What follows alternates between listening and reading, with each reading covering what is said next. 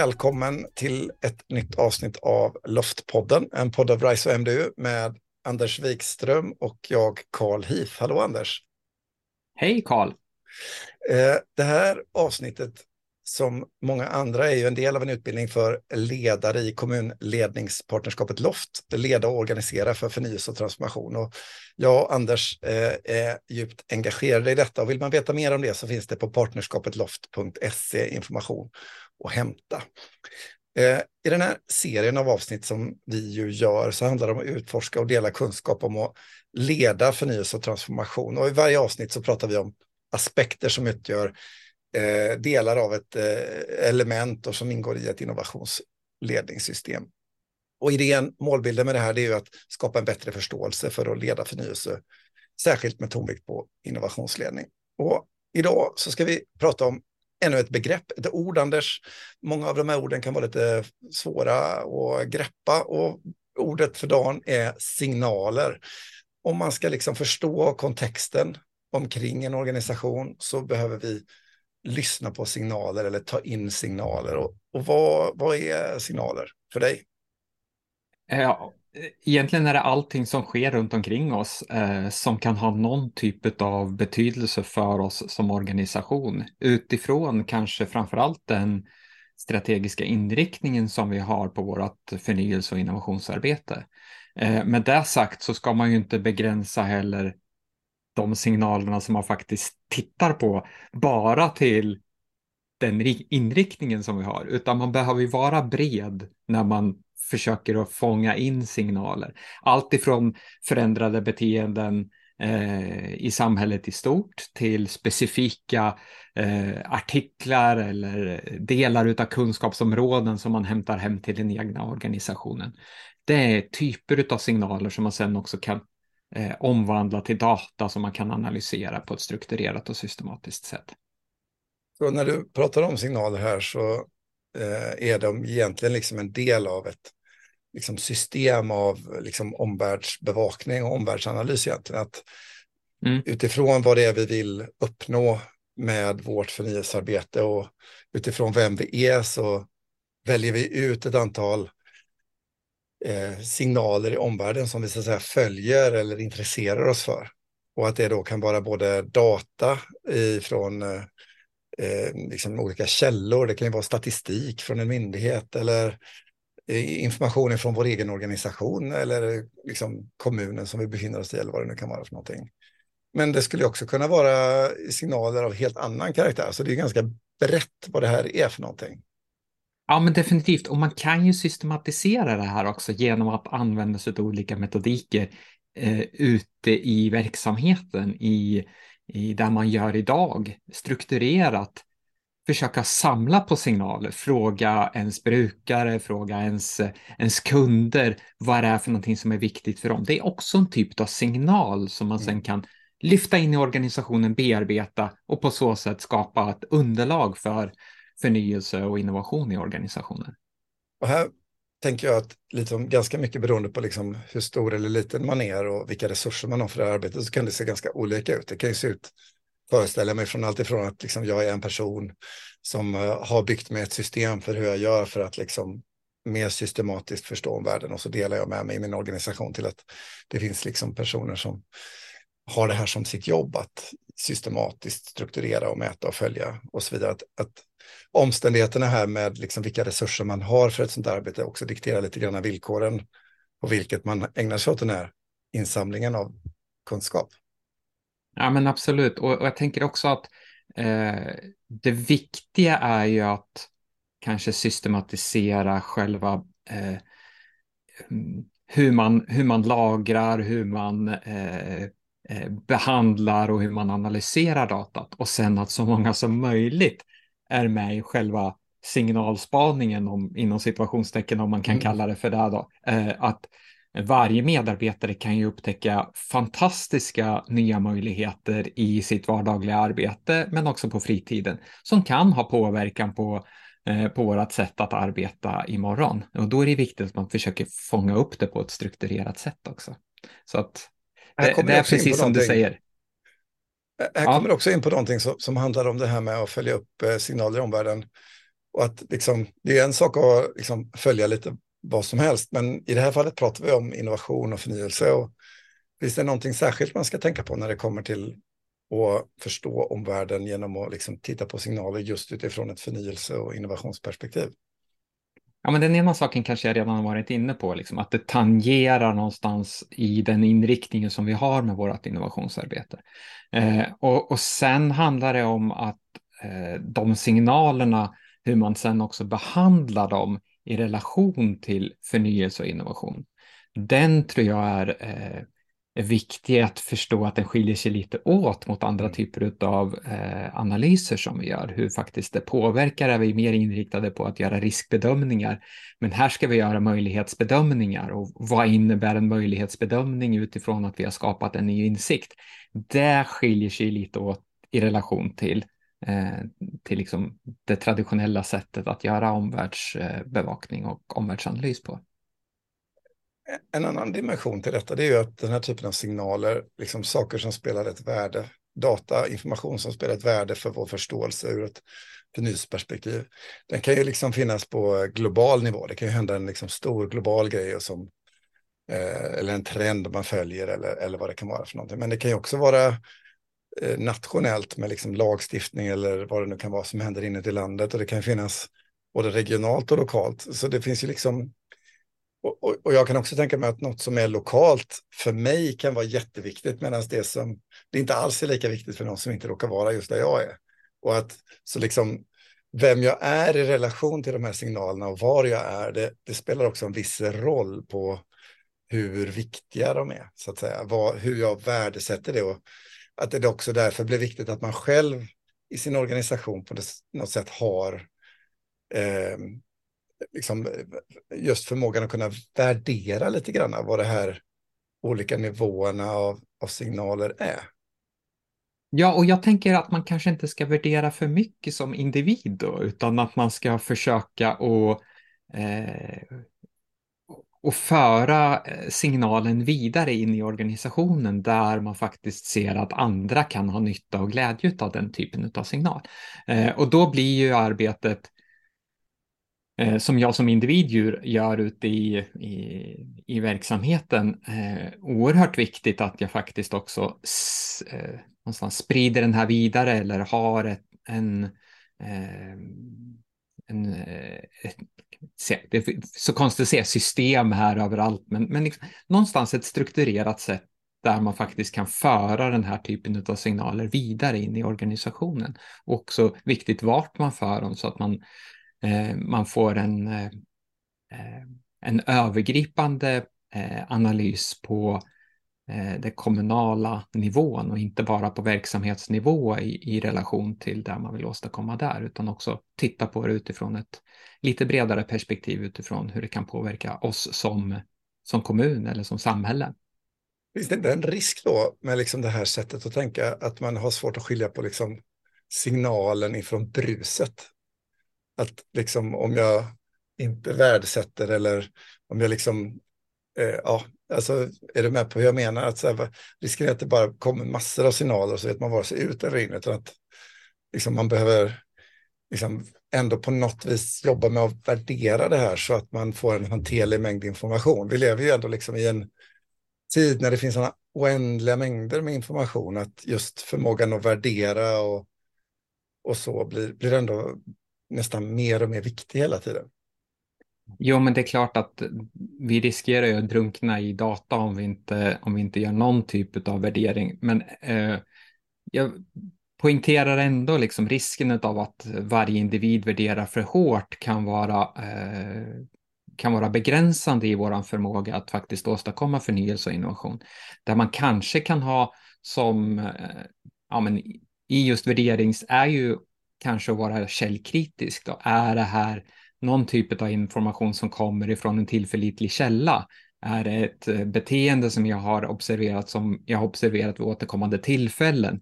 Och då någonstans eh, tycker jag att man eh, säkerställer att man inte skickar in onödig information in i, i, mm. i ett strukturerat analysarbete. Just den här eh, relationen mellan att samla in signaler, data, till att sedan analysera och liksom förstå den.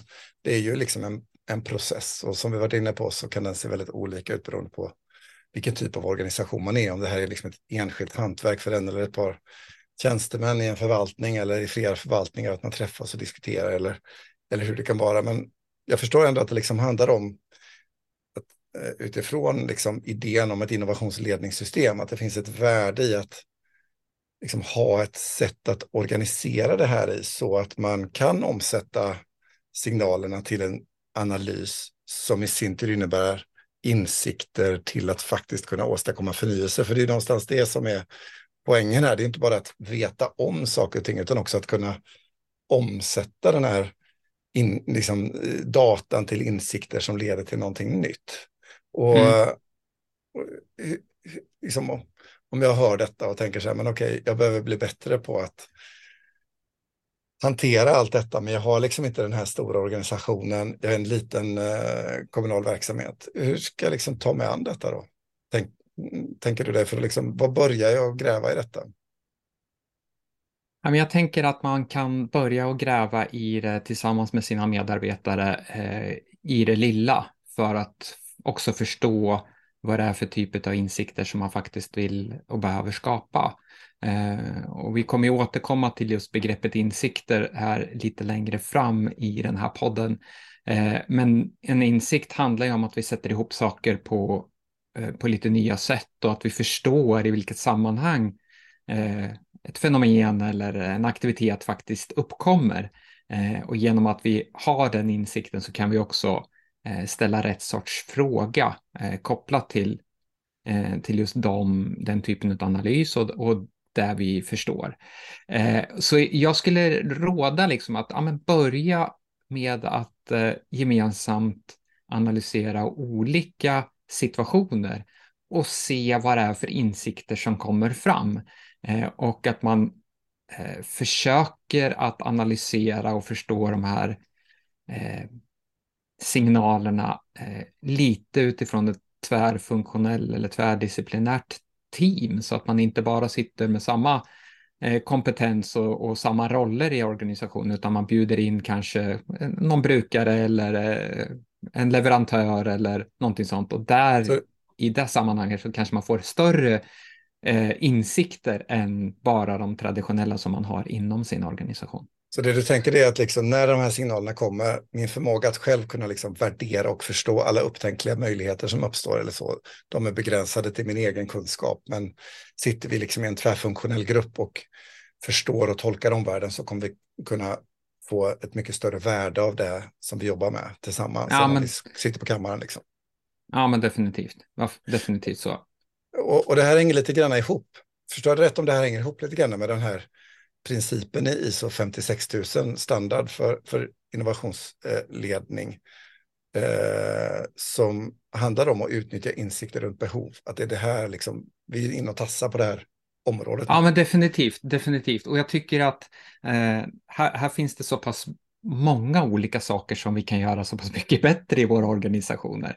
Eh, jag tänker på all den data som vi idag samlar på oss och skickar till externa parter, till exempel till myndigheter eller till, eh, till institut. Eh, och kanske lite oreflekterat bara skicka det vidare för någon annan som har frågat efter det. Och om vi istället funderar på vad kan vi göra av den här datamängden själva? Vad får vi för insikter när vi tittar på den här? Eh, och kanske framför allt i relation till Såg det likadant ut förra året och har vi försökt gjort någon skillnad? Eh, menar, ett, ett typexempel är när vi har vårt systematiska kvalitetsarbete och så får vi ut en, en siffra eh, i någon typ av utvärdering som vi gör mm. 3,7.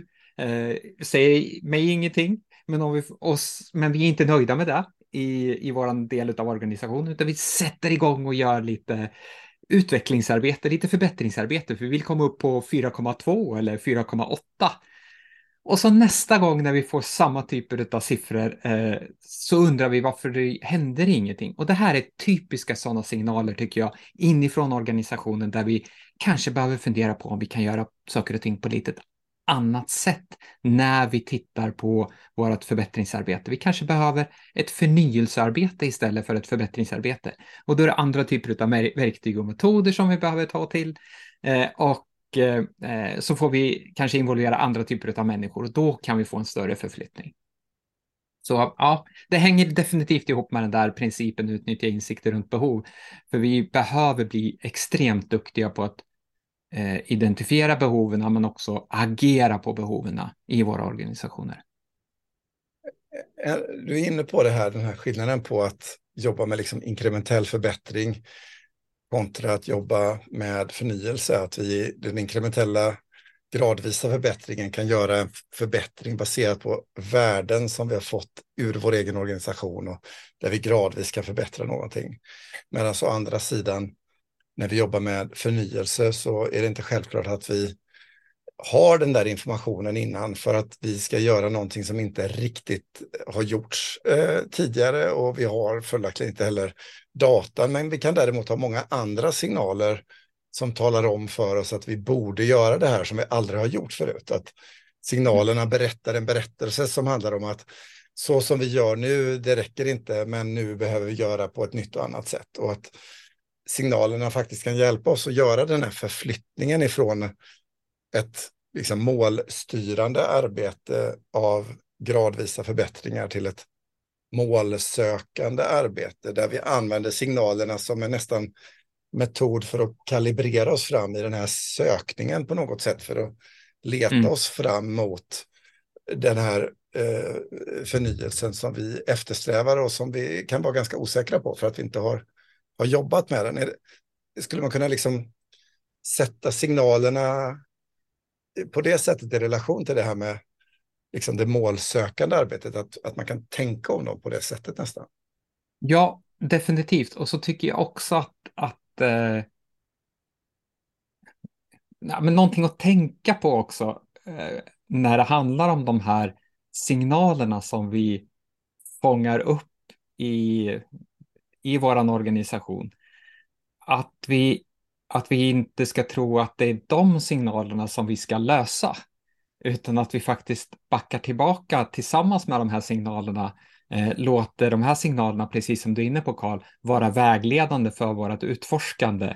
Eh, ta in signaler runt där vi har sett, eller den signalen vi har, så att vi får ett bredare eh, underlag för analys, eh, så att vi kan skapa insikter som eh, kanske kommer åt rotorsakerna till de här eh, små signalerna som vi har sett kanske i vår organisation. Jag vet att du brukar prata ibland om det här eh, förskolan med eh, torkskåpet som får, eh, som har, eller så här ska jag säga, ehm, eh, förskolan som hade hög eh, energiförbrukning och eh, det var signalen Eh, och någonstans i det här arbetet så vill man snabbt lösa eh, signalen, eh, lösa problemet hög energiförbrukning och man byter ut torkskåpen mot energieffektiva torkskåp.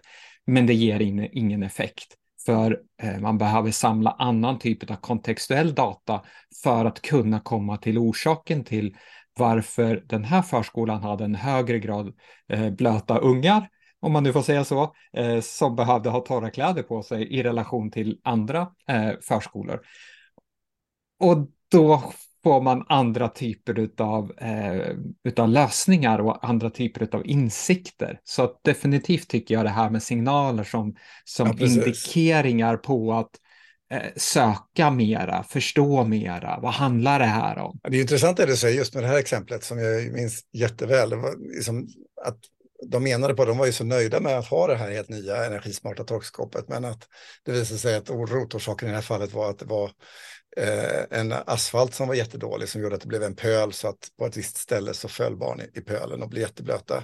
Och när, med lite asfalt just på den pölen och inte alla andra pölar så, så kunde man minska blöta kläder som var liksom en rotorsak i det här fallet. Men det du kommer till här som jag tycker är spännande det är just liksom att de, de sätt att mäta eller de sätt att förstå världen på, de mm. förklaringsmodeller vi har, de kan också generera olika utfall eller världsbilder, men också den kunskap vi har i stunden eller vilken profession jag har. Och det illustrerar så väl det du var inne på tidigare, mm. det här med att att vi behöver liksom samla in och titta på ett problem med många olika typer av glasögon och perspektiv för att kanske komma till att se de här rotorsakerna som vi beskriver då. Och, och, då, blir, och, då, blir, och då blir det så här, ja, och, och så har vi gått i skolan i hela våra liv eh, där vi har lärt oss att man ska snabbt komma på svaret på frågan. Så vi är liksom skolade i det här, eh, hög energiförbrukning, vi köper ett nytt torkskåp. Ja. Den, den och så känner man sig väldigt nöjd för man har liksom löst ett problem, men i själva verket ja, så ligger rotorsaken kvar. Liksom. Ja. ja. Och ja, det illustrerar ganska väl värdet av liksom, titta på olika signaler och sådär. Men ur ett lednings och styrningsperspektiv för mig som chef och ledare i ett sammanhang, vad, vad blir det, vad blir hur gör jag liksom för att öka min förmåga här i att kunna förstå och förhålla mig till de här signalerna? Ja, men en av de viktiga sakerna tycker jag vi är inne på här, då. att eh, någonstans eh, inte springa direkt på lösningen då, eh, den mest uppenbara lösningen, utan stanna kvar i problemet.